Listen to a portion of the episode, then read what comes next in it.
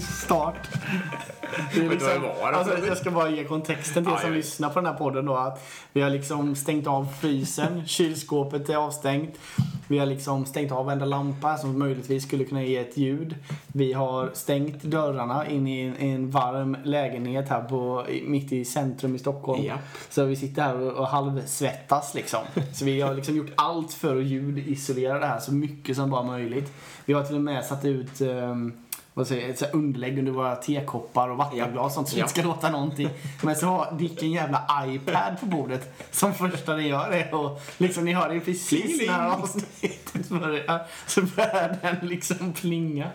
Det är helt bisarrt. Det var dessutom någon, eh, det var Insta, det var någon like på något som Agilpodden Ja, det var det. Okej, så det var någon av er som lyssnade som var. Okej. Eh, ska vi... Hej. Ska vi säga hej kanske? Ja. Välkomna till Agilpodden. ja, verkligen. Avsnitt nummer 36 i ordningen blir det. Exakt. Eh, och idag ska vi prata om Agila Sverige 2018. Precis. Alltså konferensen. Precis. Jätteroligt ska det Ja. bli för mig. Ja, just det. Eh, och vi ska säga tack till Informator Utbildning Ja, vi börjar där. med oss. Eh, jätteroligt. Verkligen. Eh, vi kommer tillbaka och puffar för kurser sen. Vill ni hitta till Informator kan ni gå in på agilpodden.se och trycka på Informatorloggan. Ja, bra idé. Eh, mycket bra idé, ja. Precis, och det som är lite med dagens avsnitt är väl egentligen att jag ska presentera mina topp tre ish tal. Mm, precis. och, och du ska presentera dina topp tre ish. Det kan bli topp fyra, topp fem också men tanken är att vi ska presentera liksom topp tre eh, av de här olika blixttalen. Mm. Det enda problemet då det är att jag var inte där. Nej, Jag var ju på Gran Canaria Ja. eh, med min kära familj. Eh, Och hur har vi löst det? Och drack då, eh, bara säga det, massor med härlig, nej, pina colada och sådana härliga på all inclusive buffén. Mm. Men, ja, sangria drack jag också i och för sig. just det. Jag gick igenom hela, min mål var faktiskt att ta hela drinkmenyn på veckan. Jag lyckades nästan. Det var en sjukt äcklig romdrink med päron och skit jag fick ta mig igenom där i mitten. Sen blev det bättre på slutet. Eh, jo, nej precis. Hur, nu ska vi inte komma in på den. Eh, hur, hur har vi löst det? Jo, exakt. Du har helt enkelt eh, valt vilka som skulle vara mina topp tre-tal. Eh, och det verkar ju lite som att det stämmer också nu utifrån, eh, Ja, vi gick igenom lite här innan. Jag har sett titeln ish och lite innehåll, någon bild Exakt. och sådär. Så ja, det verkar så. Eh, man kan väl säga, alltså du har ju tagit på dig då Erik-glasögonen och försökt liksom att vad skulle Erik ha gillat? Jag vet inte vad du använder, om du använder någon speciell metod eller om du bara... Nej, det var nog bara känsla faktiskt. Det var ingen, ingen high-tech idé liksom. Nej. Nej, för det som är är väl att ehm, eh, vi, tyckt, eller vi tycker ganska olika då. Du har valt helt andra och jag har valt en typ av... Ja, någon är samma här också. Då. Någon är samma också. Ja. Precis, det är lite blandad kompott här. Men då tar vi avstamp egentligen. Vi börjar bara- bara i någonting. Så vi börjar med någon av mina då. Eh, Ja, jag ska bara säga, för Agila Sverige, om någon nu Mm. mot förmodan inte skulle veta det, är ju alltså en agil konferens som hålls här nära Odenplan varje år, två dagar, som består av eh, blixttal och eh, open space. Mm. Eh, blixttal är 10 minuters tal som ofta är väl förberedda och mycket, mycket starkt timeboxade. Man får kanske möjligen prata klart meningen, men inte mer än så. Eh, open space är lite längre sessioner som deltagarna fyller med innehåll. Formen är fix, deltagarna fyller med innehåll. Exakt. Och man kan väl säga då på själva blixttalet så finns det ingen chans att ställa frågor från publiken. Nej. Utan om man har en fråga eller man vill diskutera vidare då får man gå till Open Space med ämnet och säga det här vill jag prata vidare om. Ja. Och då blir det självorganiserade i form av att alla som vill har möjlighet att gå dit och prata om det helt enkelt. Exakt. Och det är till och med så att, och det hände ju för sjutton, det hände med till, till exempel med mitt ämne, men alltså att man kan föreslå open space på någon annans ämne. Eh, eller i mitt fall var det någon som bad mig att dra en open space på mitt eget ämne. Men eh, det förekommer också att någon frågar, alltså där, där och då bara säger, ja men jag vill ta upp det här för open space, kommer du då liksom att titta på föredragshållaren mer eller mindre? Och det Ja. verkar ju funka, det, då vill ju de flesta komma. Liksom. Ja. Ehm, ja, precis. det Agila Sverige. Och eh, allt det här finns, kommer att finnas eller finns på YouTube. Ja. Ehm, så det går att söka där på Agila Sverige och det finns även från Agila Sveriges hemsida. Där vet jag att det finns för där har jag tittat och börjat hitta länkar och så till de här blixttalen. Ja. Så att om ni vill kolla då så får ni helt enkelt googla på de här namnen som vi säger här. Och är det oklart, otydligt, fel sagt eller något så får ni mejla in så ska jag försöka svara. Ja, det är väl en bra. Vem- ja, För så- nu, det här blir mycket från minnet såklart. Det blir lite, det är mina snabba anteckningar där, där och då och en hel del från minnet. Exakt. Eh, då dyker vi in. Då tar vi avstamp. Ska vi ta en av dina favoriter då? Ja, ska vi göra det. Ja, det gör vi. Låt oss. Vi tar arkitektur som bidrar till agilitet. Ja, spännande. Eh, av David eh, Sundelius. Ja. Eh, och lite, han, han började med, vet du vad Fizzbuzz är för någonting? Nej. Nej, det är en talserie av något slag.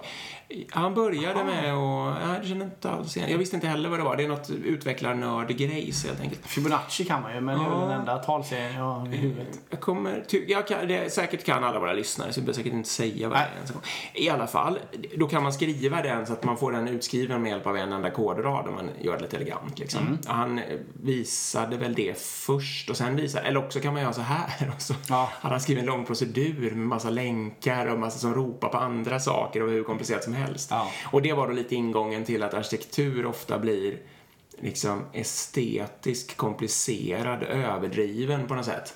Eh, men i själva verket så är det bara dumt. Ja. Ehm, och, och han var ju väldigt mycket inne på att man liksom måste trycka ut de arkitekturella besluten på teamet. Eh, Låta dem själva välja tekniker, låta dem göra innovation. Och, alltså säkerhet, allting kan liksom hamna ute som ansvar. Eh, och sen presenterade han de här tio arkitekturpraktikerna då, som bidrar till kulturförändring. Ja, de kanske du vill då? Ja, spännande. Ja, absolut. Och det han pratar om här då, det är egentligen en grej är att man ska ha automatiska tester istället för testsprintar. Det är ganska självklart i och för sig. ja. Så det kan vi bara låta vara. Det, det, om ni har testsprintar så upphör med det. Eh, och om ni, alltså, fast ni inte har automatiska tester och ni har testsprintar, se till att få in test i varje sprint istället. Det är väl svaret. Eh, sen då nummer två var ansvar från idé till produktion. Alltså att man eh, istället för att ha då separat utveckling, separat test och separat förvaltning. Också ganska självklart. Continuous deployment istället för releasecykler. Eh, Men sen kommer en bra här. Vi ska ha teknisk kunskapsspridning, alltså kodgranskning och mobbarbete istället för att lyfta stjärnor. Den här är, kan vi fastna lite vid. För det är väldigt vanligt att man tar duktiga utvecklare man gör dem till någon form av arkitekt, gärna då kanske mer lösningsarkitekt eller enterprise eller vad man nu kallar det i sin organisation. Ja. Och så sätter man dem liksom långt utanför utvecklingsteamen organisatoriskt. I värsta fall högre upp i Exakt, organisationen. exakt. Helst rapporterade till någon form av högre chef då. Och säger man bra här, här, nu har du gjort ett bra jobb. Här kan du sitta och gotta nu liksom och måla fiskdiagram och vara med i någon ledningsgrupp i bästa fall. Eh, Nej men det är klart man kan göra nytta där också om ni förstår vad jag menar. Eh, och det är ju dumt alltså. Man ska aldrig lita på en arkitekt som inte kan skriva kod. Det är min liksom, grundregel. Nej men mobb det, nu har jag ju testat det ganska mycket i min organisation. Och det är ju verkligen en sån grej som är smart. Kodgranskning har jag också kört väldigt mycket. Okej. Eh, nästa är evolutionär arkitekt istället för att planera det viktigaste från början. Mm. Och sen kommer även den här eh, teknologi agno... Vad heter det? Agnosticist? Agnosticist, säger man så? Sism. Agnosticism, ja. Exakt. Istället för centralt styrt teknikval. Det handlar ju om många gånger att eh, det finns liksom en, en central organisation som sitter och bestämmer att eh, ja men de här eh, teknikvalen ska vi ha, vi ska bara skriva Java. Liksom. Mm. Sitta och utvecklare och säga men det skulle vara mycket smidigare att skriva detta än något annat. Mm. Ja, eh, avveckla externa beroenden istället för delade kodbaser. Låter smart. Löst kopplade moduler istället för att återanvända kod in runtime. Ja. Det hade du något bra. Ja, det var, ju- ja, det var ju sjukt roligt. Jag tror att det var han som sa det. Kopiera koden istället. Det är ju en total motreaktion mot det här SOA-tänket. Ja. Man ska göra så fina tjänster som ska API anropas. Det ska Ja, vara så ja. himla liksom. Ska hämtas, men, ja, exakt. För det var, han var ju verkligen så här, nej men vad fan, om det, ser du att du behöver en liten snutt, kopierar du den istället. Det är klart att det, var, det var så befriande på något sätt. Ja, det finns väl undantag från det när, man, när det är bra att göra tjänster för saker som på riktigt ska återanvändas. Liksom. Men han var ju väldigt mycket inne på att man inte ska överdriva det beteendet. Nej, det är ju faktiskt roligt. Sen pratar han om feature toggles då istället Ja, för avancerade bransching-strategier. Ja. Eh, och sen enkelhet istället för stora lösningar. Ja. Så det, det, här var då tio arkitekturpraktiker som bidrar till en kulturförändring. Det Ja. väl så man ska säga då. Och det man kan säga också det här med eh, att ha en evolutionär arkitektur eller att ha en anpassningsbar arkitektur istället för att planera det viktigaste från början. Ja. Där tycker jag är väldigt, en väldigt, väldigt viktig poäng. För det man ofta gör, eller tycker sig göra, det är att man, arkitektur är någonting man ska sätta klart. Ja. Och sen så ska man bygga kod. Och sen så när man har gjort det här ett tag så inser man att nej, men nu måste vi modellisera om eller vi måste bygga om vår arkitektur. Då anses det som teknisk skuld. Ja. Och det är så fruktansvärt dumt. eh, och tänka så. Och sen ska det liksom bli att, ja men det kan inte vi betala för eller Nej. det måste ni lösa i, eller hur... hur I någon eller, förvaltning ja, senare eller Ja exakt, eller det får ni ta, ja, det, exakt det skjuter vi på eller Ja. så. Men det är ju inte liksom, det är fel, man får aldrig kalla det för teknisk skuld utan det är ju snarare att nej men vänta vi har lärt oss grejer nu. Vi har kommit längre i liksom vår Ja. utveckling som gör att nu fattar vi att det är mycket bättre att bygga en sån här arkitektur. Och arkitektur är någonting man ska bygga om kontinuerligt hela Ja, tiden. precis. Så, det var... Fastnar man aldrig i någon sån så kallad skuldfälla. Och jag menar vadå den metodiken att man ska sätta det där klart så det är helt färdigt innan man börjar med nästa moment. Vad brukar vi kalla den metodiken liksom? Vattenfall... Ja, och är det, brukar det vara bra till något överhuvudtaget liksom? Ja, men koka spagetti och köttfärssås till en person. Jo, det är det förstås. Ja. Eller till en familj också kanske. Ehm, mm. Okej, så det var ju väldigt... Jag, jag hade nog gillat det om jag hade varit här. Det tror jag. Yes, jag fick rätt. Ja, du fick ett rätt. Vi får se hur det går sen. Nu ska vi se här. Eh, ska vi ta han den här, en av mina favoriter då? Som heter Med den mänskliga naturen, inte mot. Och det var Edvard Dahlöf som pratade. Och den handlar liksom om en, det var en gammal bank-VD som, alltså det här är 60-tal tror jag han fick sitt jobb. Han jobbade ganska länge, han jobbade in på 80-talet tror jag. Och han heter Wallander. Och han var liksom en tidig pionjär i servant leadership, skulle jag alltså kalla det med dagens terminologi då. Ehm, och, och, han, det kretsade då väldigt mycket, han satte en filosofi och försökte sätta en kultur då. Och det är kundens intresse som är det centrala. Utred och grubbla inte så mycket, pröva dig fram. Eh, av två möjliga handlingssätt, välj alltid det decentrala. Den gillar antagligen du. Nästa Ja. gillar du väl ändå bättre. De centrala avdelningarna i linjens kärna och inte tvärtom. Ja, fantastiskt. Har vi någon dräpande kommentar där Ja, kanske? absolut. Ja, men det är vanligt tyvärr att det är tvärtom. Många centrala funktioner liksom kräver att eh, linjen, eller de andra då, om vi kallar det för linjen, eh, ska liksom fylla i en jävla massa formulär och all- allt för att göra det smidigt för deras administration. Ja. Men det är ju precis, det ska vara precis tvärtom Ja. liksom. Det är, är någon som ska göra administration så är det väl de liksom. Ja. Och så ska de bara tjäna oss och se till att de som är Ja. leveransben bara får det så enkelt som möjligt. Men det är ju nästan ingen central funktion som någonsin har fungerat Nej. så. Nej. Och det, Och det är det farliga, bara ska jag säga det. För det farliga med det, det är att man sätter en, det här är suboptimering i dess definition. För då sätter man en chef över en sån som inte har någon vidare leverans mer än att man är liksom en, en centralfunktion som inte har någon direkt kundkoppling liksom. Och då börjar vad gör den? Jo, då börjar den suboptimera efter ett eget intresse. Och så bygger man det liksom. Det är precis det här som, som Niklas pratade om när han pratade om uh, Modig alltså. Ja. När han var här och pratade om lean. Just att man tar en värdekedja, man choppar upp den och så sätter man en hövding på varje del. Och så börjar man suboptimera Ja. varje liksom, del istället. Det här, så, tyvärr är det ju ofta så att centrala delar har lättare att komma långt i den eh, eh, suboptimeringsresan än vad andra har. ja, nej men så är det. De har väl ofta mer kontroll och mer inflytande över vad som händer liksom.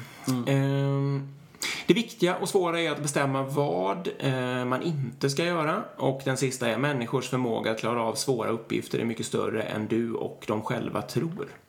Och det är liksom väldigt mycket sånt, ja, det är mycket det vi jobbar med idag liksom. Och ofta då kallas servant leadership eller decentral organisation och så vidare, lokal autonomi. Precis, och det som ska sägas är att det här är alltså skrivet på 60-talet då? Ja, Ja. ja. han har liksom lett den organisationen på det sättet på 60-talet. Det var liksom de lokala kontoren var det som var viktiga. Det var där man mötte kunden och det var de som skulle ha makt att själva utforma sitt eget arbete och där skulle liksom människorna få eh, tänka själva och så vidare. Jag tycker, ja, otroligt roligt. Eh, och de, den här banken, nu kan inte jag så himlans mycket om bankbranschen, men de har alltså haft bättre rentabilitet, om det nu sitter några ekonomer där ute, än konkurrenterna ända sedan 70-talet. Ha, Coolt. Så det är ett resultat också. Mätbart resultat. Bra! Nu är nog klara med den då. Ska vi ta din andra? Jag eh, lägger ju lite arkitekturgrejerna på dig här jag. Du kör fegkort igen alltså? Nej, nej, jag har inte, det är inte fel, alltså det är inte så genomtänkt så, utan det var verkligen bara, jag satt där och så kände det här skulle Erik gilla. Ja.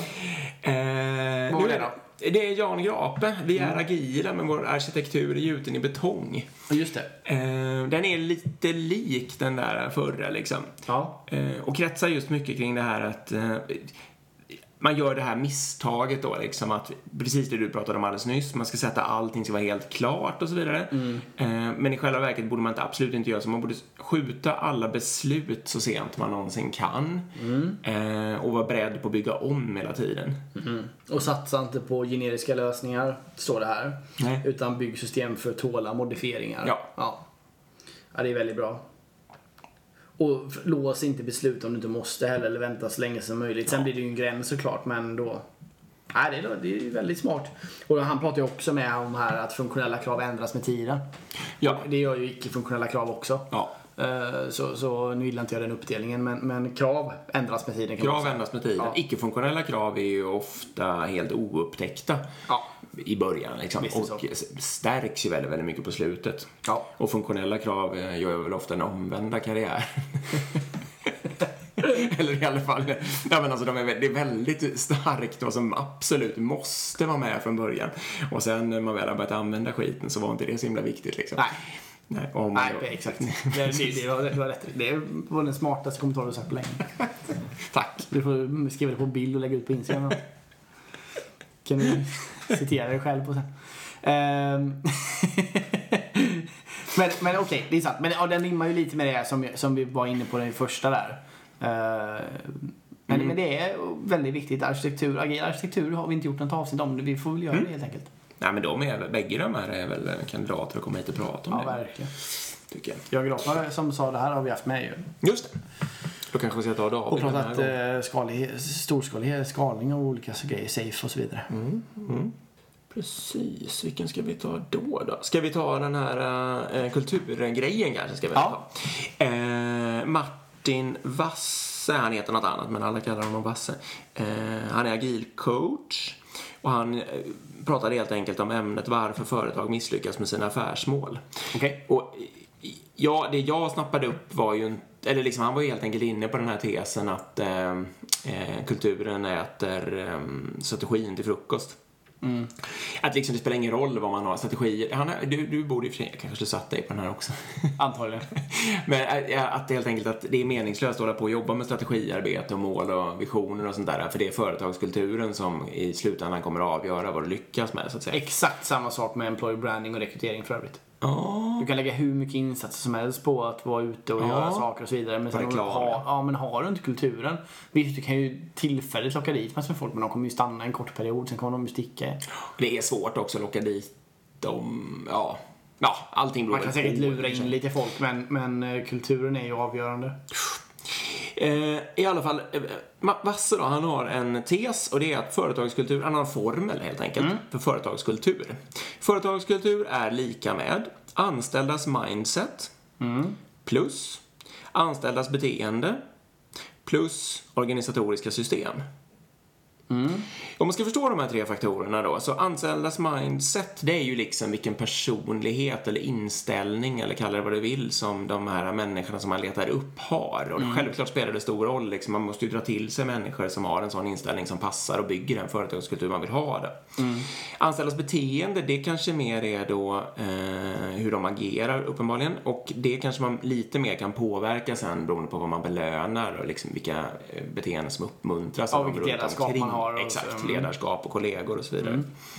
Eh, organisatoriska system, det är ju sånt här då som bonussystem eller om man liksom hittar på individuella mål eller om man då tvärtom inte hittar på individuella mål. Ja. Ehm, hur själva organisationen ser ut, om alla testarna sitter för sig själva borta i ett eh, lag någonstans och så vidare. Och så vidare. Ja.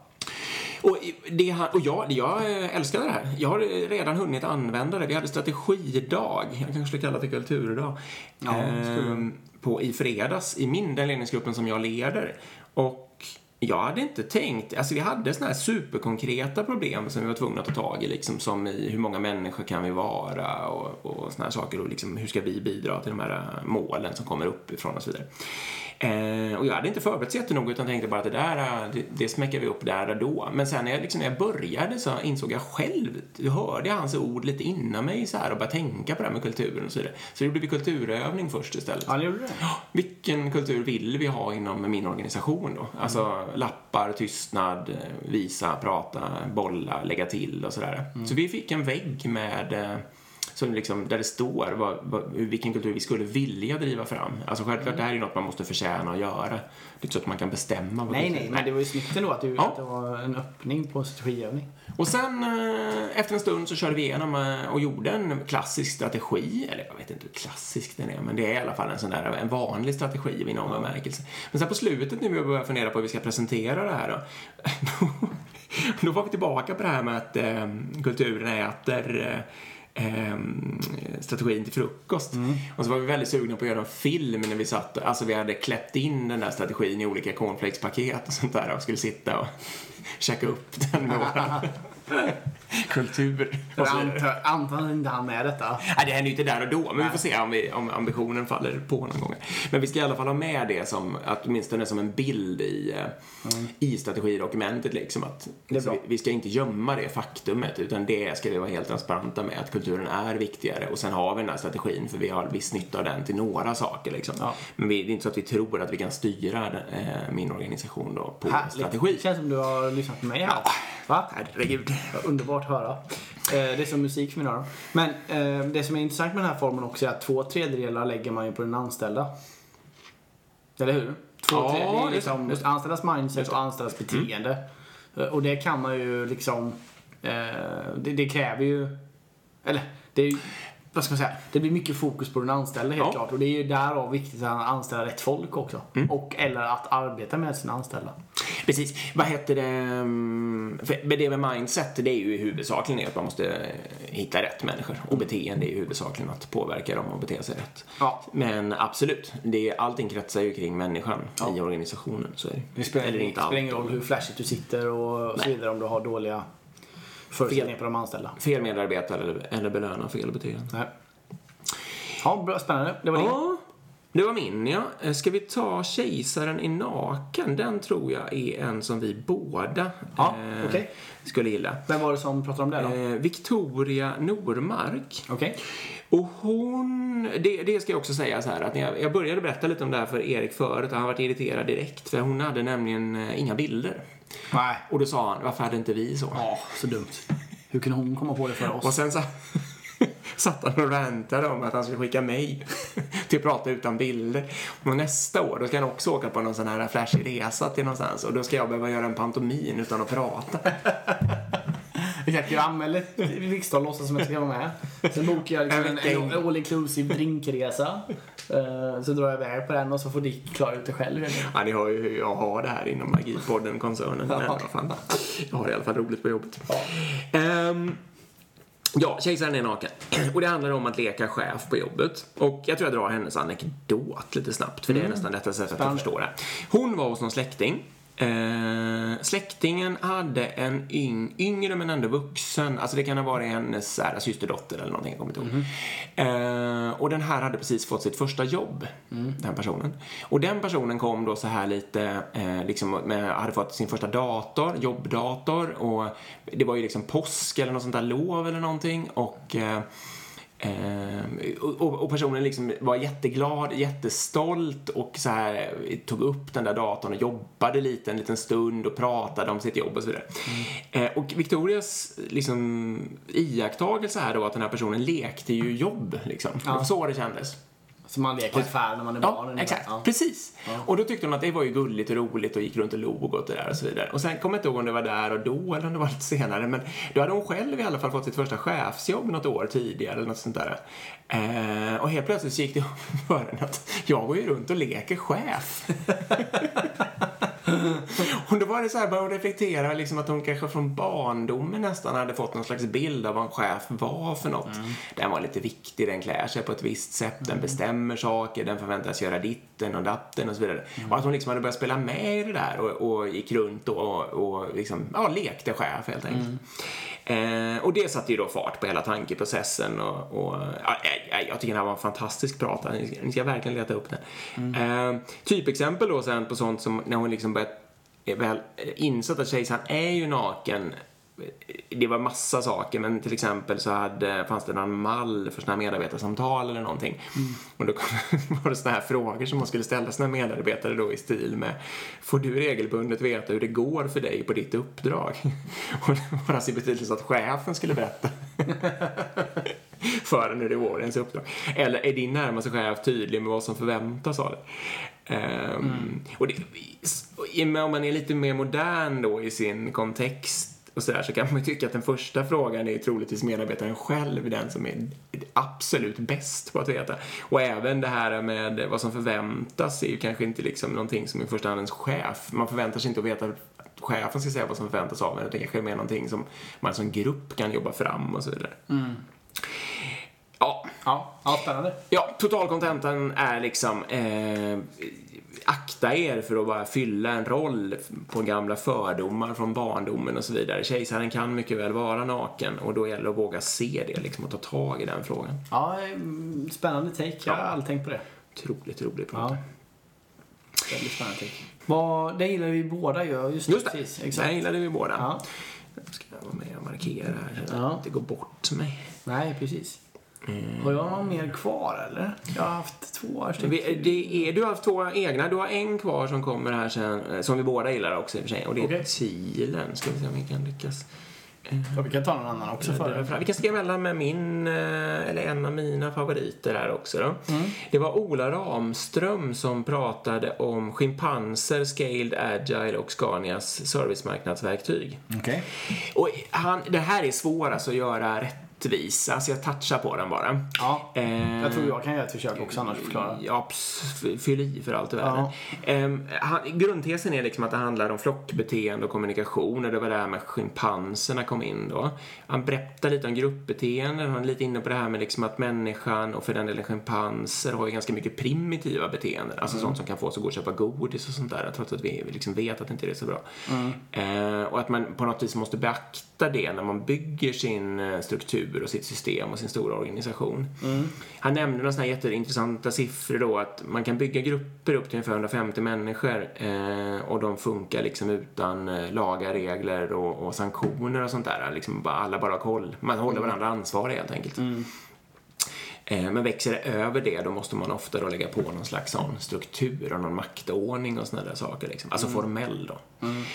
Ehm, han pratade ganska mycket om... ja, han hade jämfört i sin organisation fruktsallad. Hade, hade du hört om det förut? Delvis. Ja, jag fattade fort också. Men jag har hört det delvis lite. Och eh, själva grejen med det är väl egentligen att fruktsallad, så som jag tolkar det i alla fall, ni, som sagt jag var inte där och lyssnade på det men som jag tolkar in det är liksom att Testa. man, man lägger, men, men jag menar då, då skulle ju päron kunna vara backend och hallon frontend och melon test liksom. Ja, precis. Och då bygger man sådana grupper som har olika ansvar där det liksom blir en överlämning mellan varandra. Då bygger man ju lätt den här konkurrensen och man tycker det andra teamet är dumma i huvudet och de gör Ja. bara fel och allt är skit med dem men vi är så jävla bra liksom. Och så gör man nästan allt för att, ja det blir det här klassiska suboptimeringen egentligen. Man delar värdekedjan och så suboptimerar man. Mm. en hövding för, för varje del och så suboptimerar man. Och då är väl tesen snarare att nej, man, ska, man ska göra, det är mer värdefullt att göra eh, fruktsallad av teamen. Alltså att, att all kompetens finns i alla team helt enkelt. Och sen så jobbar man utifrån det istället. Då blir det väldigt lätt att flytta individer mellan team och alla team kan göra allt. Så det blir också väldigt lätt att planera utifrån en backlog. Ja. Man blir liksom inte låst utifrån vilken teknisk kapacitet som finns i teamen då. Eh, det är någonting jag också tror väldigt mycket på. Ja. Eh, men det är väldigt ofta vanligt att man delar upp system efter att nej men ni som team kan bara ha ansvar för den här delen och ni andra får ansvar för den här. Och så bygger man då inte en fruktsallad utan man bygger olika fruktlanes istället. Precis. Och det är ju, eh, om ni bara vill ha någon enkel minnesregel av hela det där så är det ju liksom godare med fruktsalladen att sitta och trycka i sig de där frukterna och en. Ja. Det tycker nog de flesta människor också. ja. Ehm, mm. Lyssna på det här. Nu har jag ju två riktiga favoriter kvar. Aha, Eh, ska okej. vi, vilken ordning ska vi, ska vi trappa? Äh, jag, ska inte, jag ska inte gradera dem så himla mycket heller. Nej. Vi skiter i det. Vi tar dem i den ordningen de råkar komma här. Gör det. Eh, TIL. Det kanske alla i hela världen har hört talas om utom jag. jag Nej men vi, vi touchade på det när vi pratade agila organisationer med Mikael Göte tror jag när han var här. Det gjorde vi. Det har du alldeles rätt i. Det hade jag typ hunnit glömma bort. Ja. Eh, som tur var, eller det är ju alltid roligt att lära sig något igen. Ja. Eh, Sabrina Roman de kom och pratade om det då. Eh, hon jobbar i en liten digital marknadsföringsbyrå som kör TIL helt enkelt. Så det var verkligen, hon berättade ur ett liksom personligt erfarenhetsperspektiv. Ja, spännande. Eh, jag, alltså jag varit ju otroligt inspirerad på en gång och kände direkt, det är ju så här jag vill jobba. Det är så här vi gör den här lilla agilpodden-organisationen också Ja. övrigt. Det kan, är den tillräckligt liten och tillräckligt, eh, vad ska man säga, alltså man brinner tillräckligt mycket för det man gör så jobbar man ofta naturligt agil. Eh, liksom, gru- grundteserna är helt enkelt, det är chefslös organisation helt enkelt. Eh, och det är helt enkelt att alla, det är self-management, wholeness och evolutionary purpose. Så att man f- behöver liksom jobba med att få alla människor i organisationen att kunna leda sig själva eh, och se till helheten och liksom utveckla organisationen. Det finns en bok som heter Reinventing Organizations. Yes, det är en klassiker. Ja, jag, den kanske jag borde läsa då helt enkelt. Ja. Eh, som man kan läsa om man vill veta mer om det där. Då. De gjorde det liksom så här. Eh, de, de kom ju dessutom, de är få. De var åtta tror jag när de började jobba TIL. Två stycken av de här åtta personerna är dessutom ägare då. Så det är självklart har de det väldigt, väldigt lätt på många sätt. Att de liksom har lätt att kommunicera med ägarna till exempel. Alla kan kommunicera med alla och så vidare. De åkte bort till ett varmt land och var där en vecka och bestämde liksom sina principer och grejer då för liksom hur de ville jobba med det här. Eh, och så fick de, ja, så fördelade de ut då actions på vem som ska göra vad för att sätta upp den här nya TIL-organisationen efter det då liksom. ja, det är ballt. Otroligt intressant. Ja. Och liksom, sådana här saker, vad ska man säga, ett typisk sak som jag uppfattar som att man, eh, ett, ett lätt missförstånd skulle väl vara att man hamnar i demokrati då. Eh, och det ver- verkar ju som att man ska undvika och antagligen beror ju det på att då får man ju bara en grå smet av alltihopa så att säga. Allt blir mellanmjölk. Men däremot kunde man ju ha ganska mycket rådfrågande procedurer. Så om man vill fatta ett idiotiskt beslut så frågar man alla, det här hade verkligen hänt i deras organisation också. Personen frågade, eh, ja men jag vill lägga så här, så här mycket pengar på den här sortens marknadsföring. Nej men det tror vi inte på. Nej men det tror inte jag heller på. Nej, ingen trodde på det. Men personen han, eh, var ju så pass envepen och brann så mycket för den idén så att eh, hen gjorde det ändå. Eh, alltså det var ju inga fruktansvärda pengar, men ändå liksom. Eh, och det gav ju mycket riktigt då inte något mätbart resultat överhuvudtaget. Då, men då var, det ju, då var det inte så att alla började skuldbelägga utan då, ja, nu har vi lärt oss på det här liksom. Nu provar vi inte det igen. Men det var ju intressant att lära sig. Ja. Så liksom den stilen med det. Men även jobbade de med alltså tumregler, så här, upp till ett visst belopp så kan alla fatta inköpsbeslut och är det över det beloppet då påverkar det liksom firmans resultat lite så då måste vi eh, kolla liksom med varandra och sådana där saker. Ja. Eh, och allt eftersom frågorna dök upp, vissa frågor så uppfattade de att det här behöver vi inte alls bestämma hur vi, hur vi ska bestämma i det liksom. Men vissa frågor blev ju liksom kontroversiella och då var det ju viktigt att prata ihop sig eh, och sätta det då liksom. Ehm, man kan säga de var inte, de hade ju några saker kvar i en gammal tillvaro då. Ty- Typexempel var ju lönesättning hade de inte gått över i TIL ännu, för det gjorde ägarna fortfarande. Fattar inte varför. Nej, det tyckte Det känns jag. en ganska lätt grej det att tyckte jag var konstigt. Ja. Jag hade- Det kanske finns någon anledning. satt även och pratade på um, vad heter det, Open Space om det där. Då sa jag det och berättade om eh, ditt, eller vårt gamla experiment liksom, med lönesättning, att det är lättare än man tror. Och det tyckte ju många var intressant. Då, liksom. Eh, mm.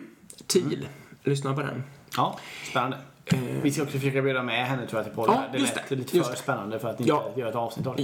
Eh, Verkligen. Jag har prällfrågat och hon var intresserad av det. Så vi ska bara försöka få till något datum för det. Ja.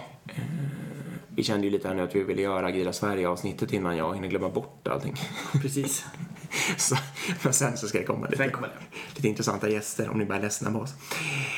Ehm, Jaha. vi tar Näst... en till, va? Ja, en till tar vi. Ja. Eh, och då tar vi den här uh, grupper, tror jag vi tar, ja. Eh, Den som- hette lite längre men vi kan Den kortfatta den hette så. något långt, ja. Varför de bara hatar varandra och, och Mm. såna saker. Det var Stefan Norinder som Mm. pratade om det här. Eh, han, hade, han hade ganska mycket roliga referenser. Jag ska berätta lite om den här liksom huvudexemplet. Men han hade helt enkelt läst på om socialpsykologi. Eh, och superintressanta saker då som han hade hittat var liksom att en människa behöver otroligt lite för att uppfatta tillhörighet till en grupp. Eh, och det, då hade de börjat tror jag med såna här mer att alltså, klumpa ihop långa och korta eller något sånt där. Det var inte just det. Men... De har åkt iväg ett gäng eller vadå? Nej, nu är vi bara på, på någon uh, universitets... Ah, okej. Enkla experiment på något universitet i USA liksom, för några tiotals år sedan. Men de hade provat några sådana saker som på riktigt liksom var lite, som man kunde känna en samhörighet först och märkt att folk kände det direkt. Men sen hade de låtit alla, delat in människor, de hade fått singla slant, krona och klave eh, i två grupper. Och sen hade de mer eller mindre direkt efteråt frågat vilka folk trodde var mest intelligenta. Eh, och då hade i stort sett alla trott att den egna gruppen var lite mer intelligenta. Ja, det är fan intressant alltså. Ja, det är otroligt intressant. För det finns ju då uppenbarligen ingen som helst anledning att tro, Nej. utan det troligaste är ju att grupperna är ungefär lika intelligenta i det Ja. caset. Eh, ja. Och det, det var en, en faktor då som han hade tagit fram. Det är otroligt lite för att känna grupptillhörighet. Social smärta. Om ni har funderat på det här med varför människor liksom följer flocken och beter sig liksom illa och sådär ibland. Eh, så finns det då en faktor att social smärta är, påverkar samma ställe i hjärnan som eh, fysisk smärta. Och i, liksom kan i mångt och mycket då vara lika stark. Så att, att känna sig utanför gruppen är liksom starkt obehagligt för de flesta människor i väldigt många sammanhang. Och det är väldigt viktigt att förstå det. Och det är det som gör att till exempel, det var någon som sa det som exempel, att eh, det är större risk att brinna inne om man sitter tre personer i ett rum än om man är ensam. Därför att då måste någon ta det första eh, beslutet om att springa ut när man känner att det börjar lukta rök och så här, så då väntar man lite längre. Um, och det finns ju sådana experiment med skådespelare. Det här kommer inte från Agila Sverige, men alltså där man har rök... Eh, vad, vad heter det? Det har alltså varit en experimentperson, alla andra skådespelare och så har man ju använt en rökmaskin så det har blivit mer och mer rök i rummet. Och om då alla skådespelarna bara låtsas att allt är okej och liksom bara ignorerar den här personen som föreslår att den ska gå ut, då är, blir rummet i stort sett rökfyllt innan personen till slut tar sig ut. Liksom. Så starkt kan grupptrycket vara. Ja, det är galet. Det är helt galet. I alla fall. Sen var det en forskare då som hade, nu ska vi se, heta Naomi Eisenberg kanske, som hade eh, vad heter det, lyckats göra ett experiment där man hade haft liksom kollo-ungdomar nere i någon, eh, i Afrika någonstans tror jag det var. Eh, det här var nog länge sedan. Så hade man delat in dem i två lag. De var alltså barn. Man delade in dem i två lag och fått dem att sända grupptillhörighet. Och så hade de då liksom nästan direkt sett att de, det blev två stycken väldigt starka liksom, grupper då som hade börjat jobba mot varandra. Så, så hade det varit lite Robinson eller vad man ska säga, känsla sådär. Att de hade liksom pekat ut, alltså fått lite fart på det där då. Och sett att de direkt blev enormt eh, liksom aggressiva. Eh, och innan de nästan hann reagera så hade det där nästan gått överstyr då. Så de liksom hade börjat, alltså kanske ta till våld eller och de funderade på att avbryta hela experimentet och, och lyckades liksom långt över förväntan, eller vad man vill kalla det för. Och sen skulle de då försöka få tillbaka det där igen och, och skapa eh, en grupp av alltihopa igen. Och då hade de börjat att testa med olika samarbetsövningar, alltså biokvällar och gemensam mat, middagar och vad det var för någonting. Och det hade nästan bara lett att konflikten hade blivit ännu värre. Ehm, sen hade det visat sig då att det enda som liksom, eller det de testade sen var helt enkelt att skapa gemen, en yttre fiende eller gemensamma yttre problem. Överordnade mål brukar man prata om. Typexempel var att vatt, de påstod att vattnet var slut och den lastbilen som skulle komma med nytt vatten hade kört i diket eller något sånt där.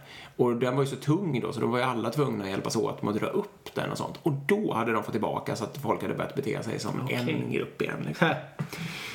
Det är ju värt att tänka på när man bygger testteam. och, Ja, till exempel. backend-team. Så att social smärta är eh, lika liksom verklig för människor som, som fysisk smärta. Det är enormt lätt för människor att känna grupptillhörighet. Eh, vill man ändra sån här grupptillhörighet är det genast mycket svårare och då ska man försöka jobba med överordnade mål. Eh, precis, ja, det, var, det var väl huvud. Ja, spännande, verkligen. Ja, nej jag kan nog stanna där på Agila Sverige faktiskt. Ja, det var synd att jag missade. Ja. Förhoppningsvis kommer vi nästa år igen. Precis, det är ju... Ja, det är datumet är satta, va? Det maj. Det är ju satt. Maj Ja, någon gång, tror jag. Kolla i Ja, vi kan återkomma till det också. Det är göra, långt kvar. Det kommer ju gälla där dock att eh, det beror ju på hur bra självförtroende man har i och för sig om man... Eh, i Nästa år kanske vi ska anmäla oss också. Ska vi Inte bara, inte bara anmäla tal, utan också anmäla oss. För i år så, eh, jag, jag varit inspirerad när jag såg att, an, att anmälaren kom ut där, så då anmälde jag det här talet liksom. Ehm, men, Mm. Ja, det har vi inte ens pratat om. Nej, just det. Ska vi säga något om det också? Ja, du pratade också. Jag pratade faktiskt också. Om glastaket va? Jag pratade om glastaket, ja. Ja. Och för er som lyssnade på det genus, äh, agilt genusavsnittet så var det ju likt då, men nu hade jag ju fått eh, dra ner mig till 10 minuter och nu hade jag faktiskt också forskat lite. Eh, så jag hade helt enkelt i- den organisationen där jag eh, jobbar, alltså ingår i liksom, det är ungefär 1500 människor på ett verkstadsföretag som jobbar med IT. Och där hade jag helt enkelt tittat på andelen kvinnliga medarbetare på totalen eh, och sen så per chefsnivå. Första, andra, din, första, andra, tredje och så vidare. Precis, och upp till fjärde då. Det är ju bara en person, det är min chef då. Ehm, och då i runda slängar så är eh, andelen kvinnliga chefer överrepresenterade i första linjens chefsnivå. Det är ungefär 40 procent och det är mer än vad det är i organisationen som helhet. Ja. Men sen halveras det per eh, steg ungefär. Ja. Så det är 20 procent i andra nivån och sen var det väl 13, det är en person där på tredje nivån och sen är det noll då på... Ja. Eh, Jag bekräftar att det finns en form av glastak kanske. Ja, så min tes var helt enkelt att, som jag drev var då att jag tycker mig se det här glastaket, jag tycker mig se det mellan första och andra linjens eh, chefsnivå, men med några enstaka hål i då så att säga som folk har kunnat ta sig upp i. Ja. Eh, och sen pratade jag ganska mycket om, och det är ju likt, mera likt vårt avsnitt då, men vad kan man göra åt det? Eh, och vad är det som bygger upp det liksom?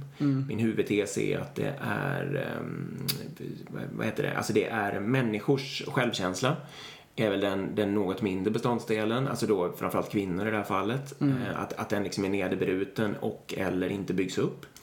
Eh, och den något större beståndsdelen är omedvetenhet. Eh, och så pratade jag ganska mycket kring liksom, var den kommer ifrån och sådär. Men det var kul. Det var många som kom fram efteråt och var jättepositiva och sådär. Och det var ju, jag fick ju önskemål om att göra en open space och så gjorde jag det Ja, jättekul. på det här också. Bra jobbat. Tack alla ni som stöttade och peppade. Ja, jag tycker det är viktigt. Det är förvånansvärt få som, som eh, driver den typen av frågor. Så det är sjukt bra att du gör det. Mm. Okej, ska vi gå in och eh, tacka eller puffa för lite kurser innan vi tar vår lyssnarfråga då? Ja, kan vi. Ja. Då är det så att Informator har ju väldigt många utbildningar. Men idag tänkte vi puffa för två stycken egentligen. Och det ena är en Scrum Master-kurs som är en tvådagars. Ja. Som finns både med och utan certifiering. Gå in och titta. De går ofta och kontinuerligt. De går både i Stockholm och Göteborg. Ja. Så där kommer ni hitta om ni går in och tittar. Eh, Och sen även agil eh, produktägare Mm. rekommenderar vi. Och det kan ju du skicka. Det behöver inte vara just han som är produktägare eller hon som är produktägare. Utan det kan ju också vara för att skicka en verksamhetschef för att förstå att det här är ett smart sätt att sätta upp och skapa en utbildningsorganisation eller en, en utvecklingsorganisation på. Och det här kommer öka kvaliteten och det här kommer göra så vidare då. Va? Och för att få den kunskapen så kan det vara väldigt bra att gå iväg på en sån här kurs. En dag eh, är den. Och alltså verkligen alla sådana intressenter i verksamheten som en produktägare borde eh, klara av att hålla kommunikation med. De är ju fantastiskt om man kan få dem att gå en sån kurs. Ja, Eh, verkligen. Det, ska jag säga något personligt också om den här Scrum Master-kursen? Att jag har ju, f- i, f- ja du och jag och sen senare även jag har ju skickat hela min organisation på, på den där. Och det är ett jättebra sätt att få fart på den agila resan. Ja. Det, det är ju inte att alla ska bli Scrum Masters, men den är så liksom som en helt fantastisk eh, grundkurs i tankesättet och kulturen på något sätt. Jag har hört den kommentaren flera gånger så här, "Ah, men den kan jag inte gå för jag är inte Scrum Master. Eh, Det måste man få bort. Den här Ja. kursen, är, det ser det som en agil introduktion. Den är bra. där. Nej, men den är verkligen, verkligen bra. Så vi, eh, om ni, ni hittar dem då, gå in på agilpodden.se, klicka Precis. på informatorloggan och så går ni in och bara anmäler er där. Och så om ni anmäler er så får ni gärna slänga med agilpodden där i Ja. kommentarsfält så det ser, de ser att det kommer via oss då.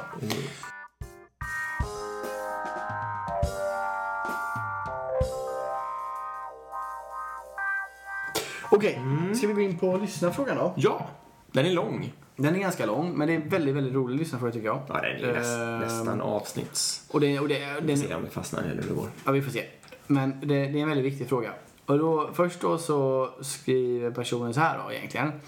Eh, jag jobbar på en webbyrå eh, där vi har fått till olika leveransteam, eller ett par olika leveransteam. Och ett team kan hantera flera olika lösningar åt flera kunder och består av en Scrum Master och 3-5 utvecklare. Eh, då vi bygger lösningar åt våra kunder kan möjligheten att ha en product owner se olika ut. Allt från aktuell produktägare som är med som en del i teamet men också ibland ett mail från olika styrgruppsmöten. Detta har vi löst genom att tillsätta en så kallad proxy product owner som ska fungera mellan brygga mellan kund och utvecklingsteamet. Så det är en fråga liksom. Hur, Mm. Ja, precis. Det är egentligen två små- frågor i ja, det här. Ja, det är det. Men vi kan vi, vi går vidare ändå. Eh, en, annan ut, en annan av våra utmaningar det är att vi har så kallade kompetensteam där vi har samlat specifika kunskaper som vi inte kan lägga en heltidstjänst i, eh, i ett och samma team. Eh, främst att det inte finns ett behov. Det är då kompetens som till exempel UX, branding, test, analys, folk som ska jobba med sociala medier och så vidare. Och leveransteamen lånar då in personer från detta kompetensteam vid behov. Mm. Men då kommer ju en utmaning med det då. Hur får man till en planering? Mm. En guest member, som de kallar då när personen lånas in till leveransteamet, eh, är sällan med på regelbundet på alla daily standups och så vidare. Nej, och det kan man ju förstå. Alltså om det finns ändå en UX-person som sitter utanför och så är det tre team som efterfrågar den här UX-personen så Ja. kanske inte den personen har täckning då helt enkelt. Så måste man ha en planering då. Eh, och då är frågan helt enkelt vad har vi för erfarenheter från ovanstående och hur har vi löst dem? Ja. Mm. Och sen tackar de för en bra podd också. Tack. Tack för en bra fråga. Ska jag ta Proxy PO först? Ja, börja där. Eh, det är... Åh, det är svårt. Det kan ju både vara en fantastiskt bra lösning och en helt värdelös lösning. Ja. Eh, I värsta fall så får man ju någon, en, en vägg liksom och man skyddar de här människorna som på riktigt borde engagera sig i lösningen. Liksom. Plus att man får ledtid. och man får ledtid och man döljer de verkliga behoven och sånt där. Men eh, man, man börjar i den änden. Ponera att man inte alls har något ansvarstagande produktägarskap eller någonting. Då är det väl ett fantastiskt bra sätt att komma igång liksom. Ja. Ingen vill vara produktägare, ingen kliver fram. Ja, men tillsätt någon då, vem Ja. som helst liksom. Ja. Men det, ja, precis, exakt, så, alltså en sån här proxy product owner, det är en bra temporär lösning. Ja, Men se egentligen. till att den är temporär. Ja. Och, och hur får man bort att den är temporär? Se till att den personen på riktigt tar beslut utan att kolla med den riktiga produktägaren. Eh, för om den personen börjar ta beslut och så, då kommer den på en gång, den här riktiga produktägaren kommer komma och säga men herregud vad håller du på med? Du kan inte ta Ja. beslut. Nej, men vi blockar utvecklingsteamet om inte jag tar det här beslutet och så vidare och så vidare. Och då kommer helt plötsligt verksamheten eller beställningspersonen eller vem det nu är se till att engagera sig istället och ta den rollen. Så pro, ka, förhoppningsvis. Ja, det kan leda åt andra hållet också. Men då betyder det troligtvis att den där proxyn nästan inte är det längre för att den helt plötsligt förstår verksamheten så bra. Ja. Eh, och då är det väl gott och väl med det. då. ja. Så proxy kan du ha, men ha det bara en, en, se till att det är en temporär lösning. Precis, och, och försöka få fart på de där. Och när organisationen mognar lite också, liksom blir snabbare och, och, och så vidare, då är det också ofta lättare för den riktiga verksamheten, eller vad man vill kalla det, att kliva fram och ta ett produktägarskap. Liksom. Ja. Allting blir bättre. Eh, ja, just det, det här med kompetensteam, ja. Mm. ja. Jag gick ju igång direkt där och man sa att, ja, men gör inte så. Nej, du tycker inte det är en bra idé? Nej, det är min grundkänsla ändå. Nej, och då blir frågan hur ska vi göra då? Vi har ju bara en UX-person på alla de här 14 teamen. Exakt. Då har det blivit fel redan där, då, så att säga. Eller eh, suboptimalt, eller vad man nu kallar det. Nej, då gäller det väl att... Um, alltså det är ju det är ju troligtvis inte sant att det bara är en enda person som vet och kan UX och så vidare. Men då måste man ju börja jobba, det här är din favoritfråga egentligen. Ja. Då måste man ju börja jobba med kompetensbreddning och göra människor T-shaped. Ja, det är precis det det handlar om. Alltså du kan ju, du har antagligen en person som har befattningen UX som Och, men Eh, skit i befattning, men ja, det var en person som är väldigt duktig på UX. Ja, eller till och med liksom står på pappret och då kan de andra inte riktigt... I sitt C. Det, ja, precis. Men det jag menar är liksom att den har befattning UX. Men det, om, om du skulle lyfta... Om du skulle liksom göra en hemlig omröstning där du kollar på hur många är intresserade av UX och tycker Ja. det är kul till exempel. Så skulle du antagligen hitta sju personer av de där 14. Ja. Eller så liksom. Förhoppningsvis. Ja, precis. Och det är det jag menar. Att man får inte låsa sig i vad det som står på pappret i anställningskontraktet utan hitta vad det är folk är duktiga på. Precis. Och de som då har intresse och tycker det skulle vara kul att lära sig om sociala medier eller branding eller UX får dem att sitta bredvid de personerna som jobbar med det här på heltid liksom och sprida den kunskapen.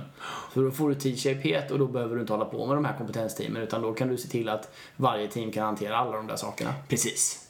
Och där gäller det ju, tycker jag, verkligen att våga placera ut den där uh, UX-superexperten. Och det är väl okej liksom att alla vet vem det är och att det finns ett kompetensnätverk kring Det är en bra idé. Eh, exakt, så man kan sprida den kunskapen och så vidare. Men, men, men låt det för den saken skulle inte bli någon stab, utan kompetensnätverket är ju bara till för att dela kompetens liksom på knowledge lunches eller något sånt där. Ja. Eh, och inget annat. Eh, och, och nu ska vi se, vad UE, vad var det mer de tog upp för exempel? Sociala medier till exempel. Ja, just det. Marknadsföring och sånt Ja. där. Ja, jag tycker det är samma sak. Ja, ja. Det är branding. Alltid samma. Och det absolut mest klassiska exemplet är lite såna här trögare organisationer. Eh, alltså det klassiska vore ju att det var så här med test. Men vad vi hamnar nu, det tycker jag är DevOps. Mm. Alltså i min organisation har vi DevOps-team. Det tycker jag egentligen inte är någon bra idé. Jag tycker Mm. Nej, det är ingen egentligen- bra idé. Nej, exakt. Men det är... Det blir ju precis som vi pratade om med det här med grupptillhörighet och fights och allting Ja. liksom. I värsta fall. Man, man bygger ju en sån... Man, man klipper värdekedjan och så börjar man Ja. optimera. Nej, det är ingen bra idé. Så, så försök, jag skulle försöka jobba bort det här Ja. kompetensteamet. Precis. Få ut dem i teamet och se till att rotera runt dem så de lär runt övriga medlemmar. Så att i slutändan alla team kan hantera allt. Och sen så ha, kan man ha experter fortfarande som man då träffar på nätverk och... Exakt. Och om det här nu är lite kontroversiellt och lite svårt att... Alltså, börja inte med att kalla det för en stor omorganisation. Nej. För det kan ju skapa massa problem. Utan börja hellre med att skapa en teamstruktur som inte ens följer organisationen i så fall. Placera Ja. ut dem liksom. Det är en bra idé. Eh, och börja inventera, känna er fram, låt alla rita upp sitt T, kolla så att alla team har alla kompetenser de behöver och så håll på sådär liksom. Ja. Mjukt. Så kommer det ge sig till slut. Precis, så märker man då ett team som inte har någon direkt UX-kompetens, det finns ingen person, då kan man fråga det teamet, okej vem är intresserad av att jobba Ja. med det liksom? Är det någon som är det? Någon som kan, och så får man utbilda den personen i Ja. det. Och så får man se till att det är flera som lär sig i teamet. Och så deras gemensamma kunskap är fort- förhoppningsvis tillräckligt bra då för att kunna lösa de UX-frågor som dyker upp. Precis. Och Så, ja. Jag tycker också det är viktigt att tänka på geografi och arkitektur. Alltså det är, om man, om man har, det är viktigt att placera ut de duktiga så att alla har tillgång till dem då, så att säga. Eller de som har ett djup i någonting. ja. Så att har man ett visst våningsplan eller någon viss liksom, plats så är det ju bra om det, alltså att inte alla de sitter som en liten... eh, Nej, det här kompetensteamet får absolut inte sitta ihop. Nej, exakt. Nej, exakt. De måste ut i befintliga team. Exakt. Ja, och precis. Och, och gärna att de sitter långt ifrån varandra så att hela organisationen liksom har Ja. Eh, tillgång då till kompetens när de ska lära sig att bygga upp och bredda sina egna team. Liksom. Verkligen. Nej, så, så blir det. Om du satsar på, på klossfunktionella team som kan hantera ax till limpa. Precis. Uh, sprid den här när inte så alla i teamet lär sig. Och se till att få produktägarskapet från, från de som faktiskt på riktigt beställer. Och ni får ju bara hävda, du får ju bara hävda att nu har vi gjort eh, 40 sådana här case och vi har 30 som är framgångsrika, eller 28 har varit framgångsrika av de här 40. Och i alla de gångerna så har vi haft en produktägare som har dedikerat lagt sin tid och de andra har vi inte haft det. Vilken väg vill ni vandra liksom? Ja. Med det här uppdraget? Nej, vi kan sätta dit en proxy och så får bli det lite halvbra eller så gör vi det riktigt bra från början. Det är så man försöker sälja in det. Sälj in det med, för ni har antagligen massor med data på hur det har gått. Liksom. Använd den datan och, vis, vi, ja, och visa det med konkreta exempel och visualisera den här datan. Då kommer du ha ett mycket lättare eh, verktyg för att övertala den du behöver övertala. Precis. Alright.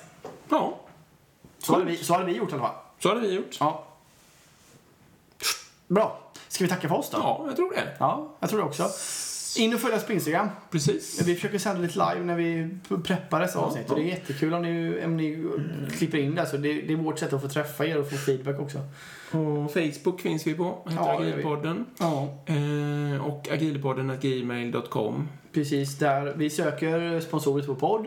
Vi söker eh, eh, lyssnarfrågor.